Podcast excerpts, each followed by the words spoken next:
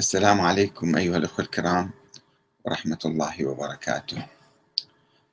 في الأيام الماضية كنا نكافح الكراهية والبغضاء في العالم الإسلامي، واليوم نحاول أن نكرس آه، الحب ونناقش الذين يحرمون الاحتفال بعيد الحب. هل عيد الحب بدعة محرمة. وما هي البدعة أساسا؟ البدعة في الدين أم البدع في الحياة العادية؟ العادات والتقاليد التي لا تدخل في إطار الدين هل هي محرمة أيضا؟ والكلام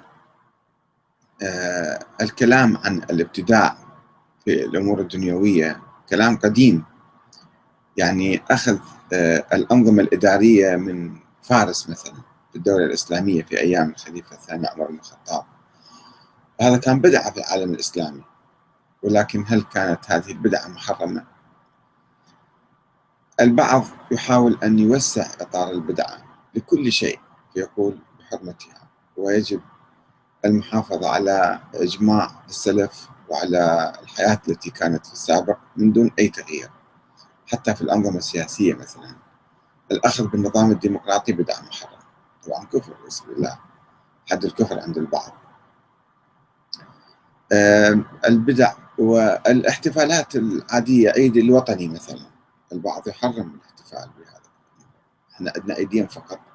وأي عيد آخر إضافي هذا بدعة مناسبات عيد العمال مثلا. الاحتفال بعيد العمال وبذكرى المجزرة التي حدثت للعمال في الولايات المتحدة الأمريكية. آه، والمطالبة بحقوق العمال مثلا في هذا اليوم. هل اتخاذ هذا اليوم بدعة؟ هناك أمور كثيرة يعني في الحقيقة. آه، كما تعرفون أن عامة المسلمين يميزون بين البدعة في أمور الدين مثلا ابتداء صلاة جديدة. أو صوم جديد أو نوع من العبادة أو حتى الصلاة مثلا في شكل معين. آه، هذا يعتبروه آه، بدعة وبدعة محرمة. وأما الأمور العادية الأخرى اللي ما تدخل في إطار الدين فليست بدعة. وقديما حدث الجدل أيضا في موضوع مثلا آه، صلاة التراويح التي أقامها النبي صلاة الله وسلامه عليه. جماعة ثم قال لا صلوها فرادى. فجاء عمر بعد ذلك ورأى الناس لا يصلون هذه الصلاة لا يلتزمون بها كثيرا. فأمرهم بالصلاة جماعة. البعض اعتبر هذه الصلاة جماعة بدعة محرمة لأنها كانت يعني هي الصلاة مستحبة والصلاة المستحبة لا تصلى جماعة. فقط الصلوات المفروضة تصلى جماعة. وبالتالي الشيعة مثلا اعتبروا أن صلاة التراويح هذه بدعة محرمة. لا يجوز البعض يقول إذا كان فيها أصل ديني يعني مثلا آه، مثلا ذكر الله تعالى بشكل جماعي مثلا كما يفعل الصوفية آه، وبنغمة معينة. هل هاي بدعة؟ أم لا؟ لأنه هذا ذكر الله تعالى. أو تسبيح الله أو قيام بأعمال هي أساسا دينية ولكن بشكل معين يعني ماذا ما ما هو الإشكال في ذلك؟ طبعا السلفيون والوهابيون خصوصا يتشددون في هذه الأمور ويحرمون كل مظاهر التطور سواء في العبادات أو في يعني الأمور الاعتيادية. أن تذهب إلى مريض وتعطيه وردة تأخذ له باقة ورد مثلا. حتى تشرح نفسه وينبسط إلى هذا الورد إلى رائحة العطر. ومنظر الورود يعتبرها بدعة جاية من الغرب من الكفار وبدعة محرمة. لا يجوز واحد يودي ورد إلى مريض. آه، يتطرفون طبعا في هذا المجال. هناك من العلماء من علماء الأزهر آه، المفتي آه، علي جمعة قال لا الاحتفال حتى بيوم العيد عيد الحب في يوم 14 مثلا هذا الشهر هذا ليس عبادة عادة عادة بسيطة حلوة هاي العادة. فالإنسان يروح يقدم إلى حبيبة أو إلى حبيبته مثلا وردة حمراء إلى من يحبه. آه، أو ليس إلى الحبيب الجنسي فقط إنما لمن يحبه من الناس. يقدم له وردة أو يحتفل بهذا اليوم أو عيد الحب بشكل عام.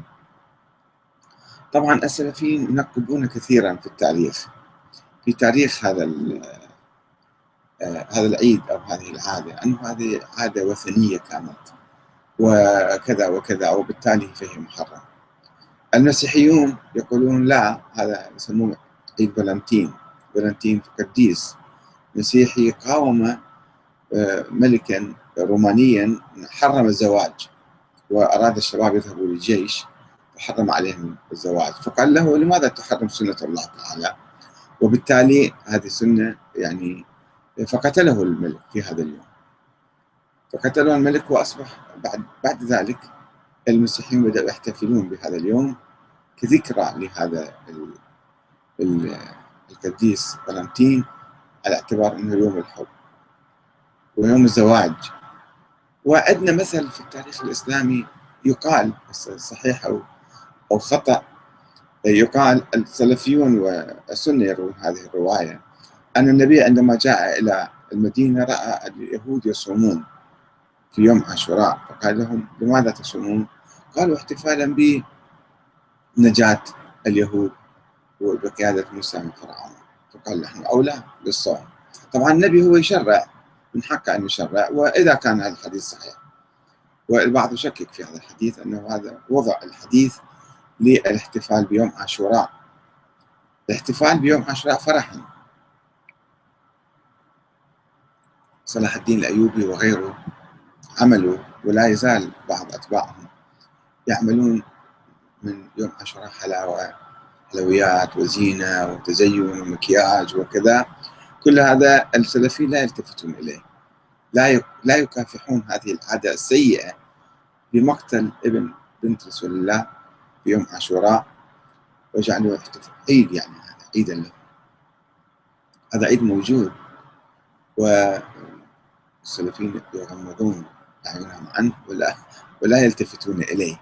أما عيد الحب هو يقلبون الدنيا ولا يقعدونها وأنا أنقل لكم بعض الأقوال أنه كيف آه، آه، وأنتم تسمعوها وتعرفوها يمكن الآن ضجة كبيرة في المواقع السلفية وفي آه، يعني حتى المساجد وحتى كذا دائما يشنون حملة شعواء على الاحتفال بهذا العيد باعتباره تشبه بالكفار باعتباره بدعة. البعض ينتبه إلى أنه هاي ليست بدعة بالدين فيقول ها آه، حرام لأنه يسبب يعني آه، يسبب آه، زيادة الفسق والفجور والناس يبدأون يعني يحبون آخرين حب محرم يقعون بالزنا. فسدا للذرائع نقول بحرمة هذا العيد إيه، طبعا هذا الدليل هو مبرر غير صحيح لأنه يعني حتى الاحتفال بيوم إيه، عيد الفطر الناس يلبسون ملابس جديدة ويختلطون وقد يقعون في بعض المحرمات يغنون حفلات الغناء أو ما شابه. يعني هذا ليس مبرر. يعني سد الذرائع هذا دائما يجيبون في كل شيء يغلقون الباب وإحنا في هذا الجو من الكراهية في العالم الإسلامي.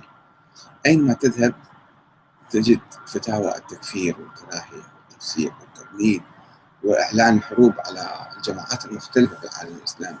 يعني جو مليء بالحقد والكراهية والبغضاء. نحتاج في اليوم حتى لو مو المسيحيين مسوي حتى لو مو الوثنيين مسوي.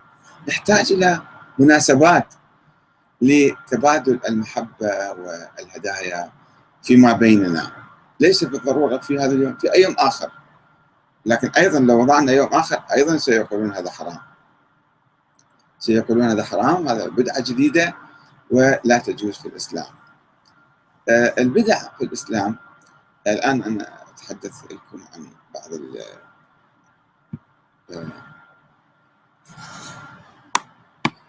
المفاهيم عن البدعة البدعة المحرمة والبدعة آه، المحللة. فتاوى العلماء السابقين حتى في في ذلك. كل بدعة هي محرمة أو لا؟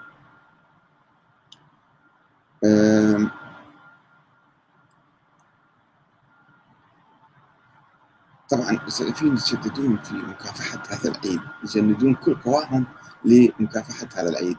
أنه المحلات التجار لا يبيعوا شيء ورود أو يبيعوا ملابس أو يبيعوا مثلا قلوب أو يبيعوا شيء. ولا يستوردوا لا يبيعوا لا يشتروا. وبعض في بعض البلاد الأسواق و ولا أعلم ماذا يفعل داعش هذا اليوم في يقتل الناس. بدون اي مبرر يحرق يقصف يبتدع في أساليب القتل والتعذيب هذا حلال. هذا ليس هذه بدعة حلال ليست محرمة. أما إنسان يبتدع بدعة في مجال إنساني مجال الحب مجال المودة بين الناس فتصبح محرمة.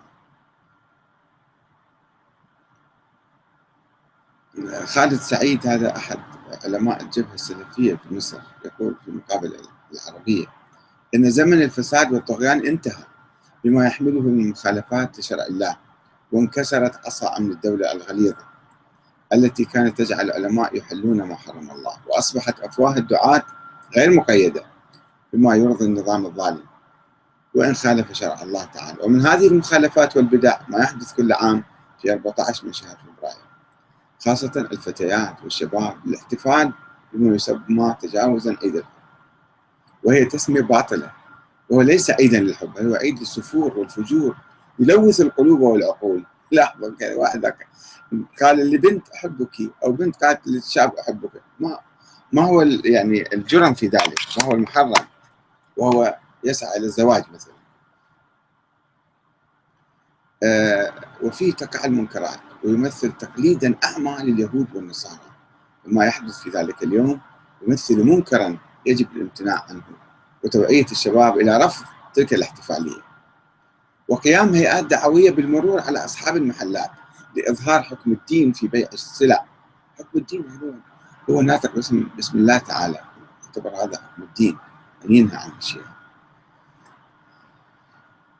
التي يشتريها السلع التي يشتريها الشباب في ذلك اليوم حتى يمتنعوا عن شرائها من التجار. وموضوع عن الورود؟ أيضا طبعا محرم. راح يشتري ورده ويقدمها لواحد. حتى لو كان مريض. وأن تمتد حملة التوعية إلى التجار حتى يرفضوا استيراد تلك السلع التي تستنزف موارد البلاد.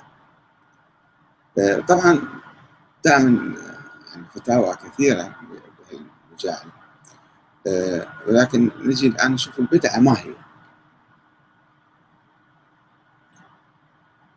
البدعة في لغة وفي اصطلاح. آه، البدعة في اللغة كما في لسان العرب أبدع وابتدع وتبدع. أتى ببدعة ومنه قوله تعالى ورهبانية ابتدعوها. ما كتبناها عليه. وأبدعت شيء اخترعته لا على مثال يعني شيء جديد وحجاب. والبديع المحدث العجيب والبديع أيضا من أسماء الله تعالى ومعناه المبدع لإبداع الأشياء وإحداثه إياها يقول الشاطبي هذا عالم كبير في يعني في روح الفقه وأصل مادة بدعة للاختراع على غير مثال سابق ومنه قوله تعالى بديع السماوات والأرض وإذا قضى أمرا فإنما يقول له كن فيكون. أي مخترعها من غير مثال متقدم وقوله تعالى يقول ما كنت بدعا من الرسول. يعني أنا مو شيء جديد أنا نبي من الأنبياء اللي سبقوني.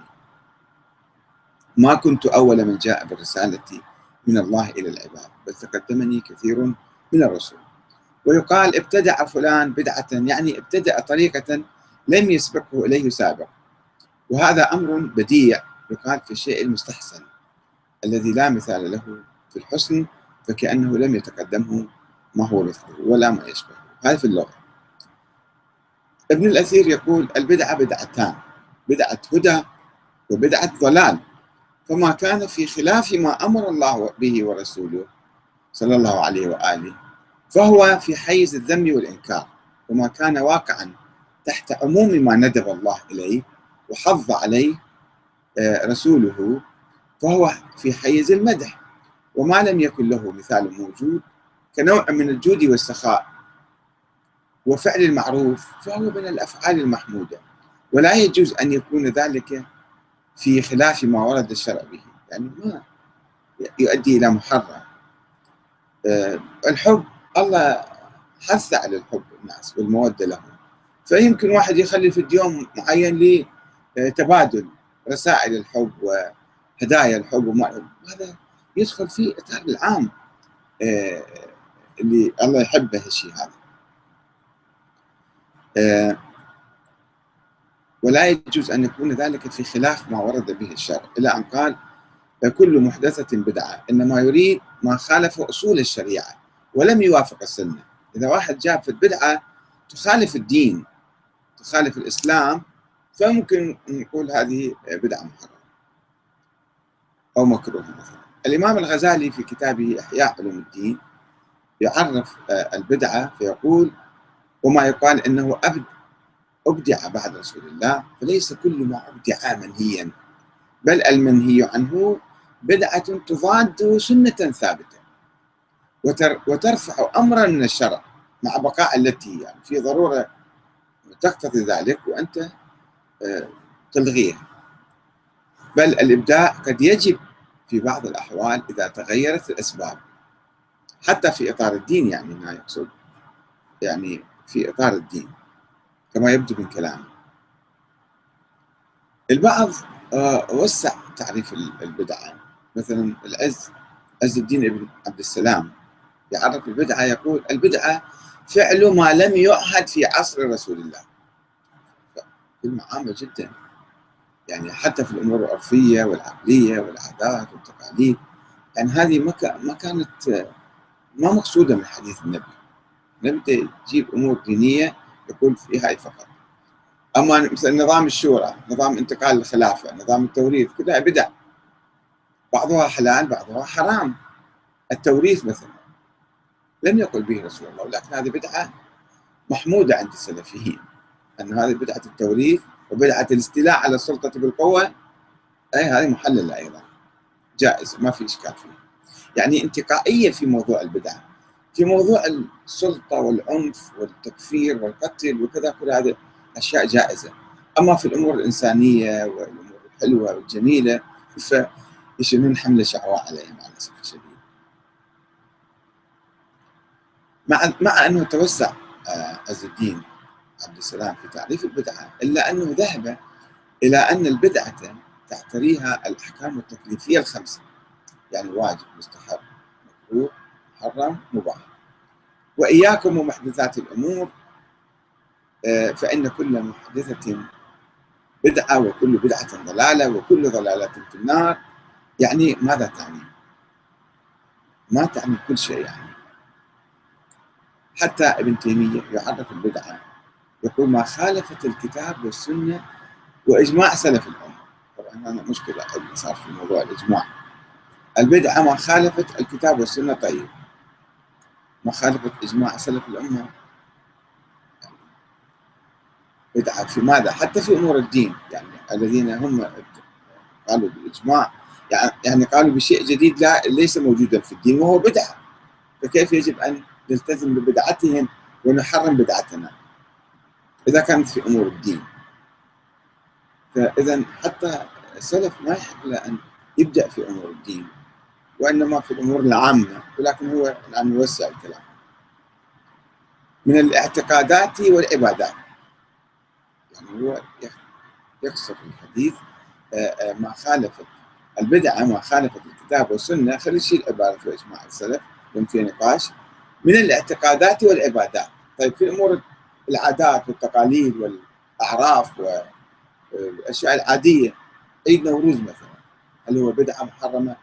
حتى لو كان عيد مال ناس آخرين عيد الطبيعة عيد الشجرة يسموه بعض الناس يذهبون أيام الربيع أول الربيع يذهبون إلى الحقول المضره إلى كذا يشتمونها والطلق ويأكلون ويشربون ولا يعني آه، يجعلون ذلك العيد عيدا دينيا كعيد الفطر والأضحى. فهل هناك إشكال في هذا الموضوع؟ ابن رجب الحنبلي يوسع الدائرة في بيان المراد بالبدعة الشرعية. فال... فال... فقال أو يقول المراد بالبدعة ما أحدث مما لا أصل له في الشريعة يدل عليه. فأما ما كان له أصل من الشرع يدل عليه فليس ببدعة شرعا وإن كان بدعة لغة يعني حتى كان شيء جديد في إطار الدين ف يعني جائز. ولكن إذا ما كان عنده أي أصل بالدين طبعا يبدو يبدو هو يتكلم في الأمور الدينية كما أفهم من عبارته يعني. وليس في الأمور العرفية. ولكن البعض قد يطور أو يوسع الدائرة للأمور العرفية والسياسية والاجتماعية وكذا آه، حتى تعريف اللجنة الدائمة السعودية اللجنة الدائمة للإفتاء عندما تفتي حول موضوع البدعة تحددها في العبادات.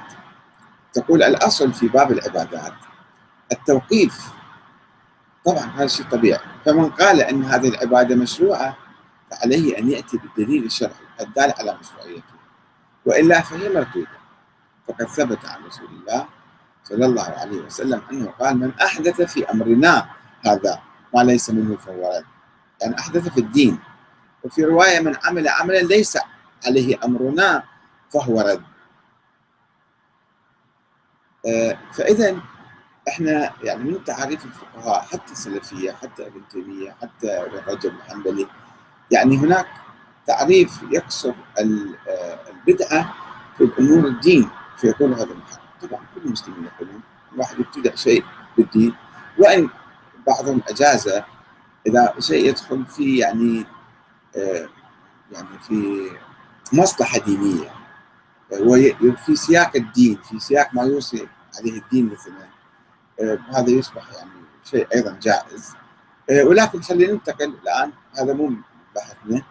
آه، بحثنا في أمور العادات والتقاليد والأعراف وكذا. أن نستورد حتى من الكفار من المسيحيين من الشيوعيين من أي واحد كان. يوم العمال مثلا. يوم العمال نحتفل في هذا اليوم لإعطاء العمال حقوقهم مثلا. نتذكر نكرس هذا اليوم لمقاومة الظالمين لمقاومة الطغاة لمقاومة المستغلين مثلا. هذا شيء عرفي وليس وليس شيئا دينيا. ولو كان الدين من ناحية يوصي بذلك يعني يفضل ذلك يحب ذلك كما نفهم يعني. الحب كذلك عيد الحب أنه الحب أساسا شيء جيد ولطيف. وإذا آه، علينا أن يعني آه، ما في شيء بدعة ما في أساس محرم ولذلك آه، مفتي مصر الشيخ علي جمعه حلال ليش تحرمون هذا الشيء؟ آه وكل إنسان يعود إلى أيضا يحتاج لاحد يفتيه الإنسان يمكن يشتهي ويرى أن هذا الأمر بدعة بالدين أو بدعة اجتماعية بدعة مثلا سياسية بدعة لطيفة يعني فالشيء حلو يعني عادة وتقاليد عادات وتقاليد حلوة فنأخذ بها.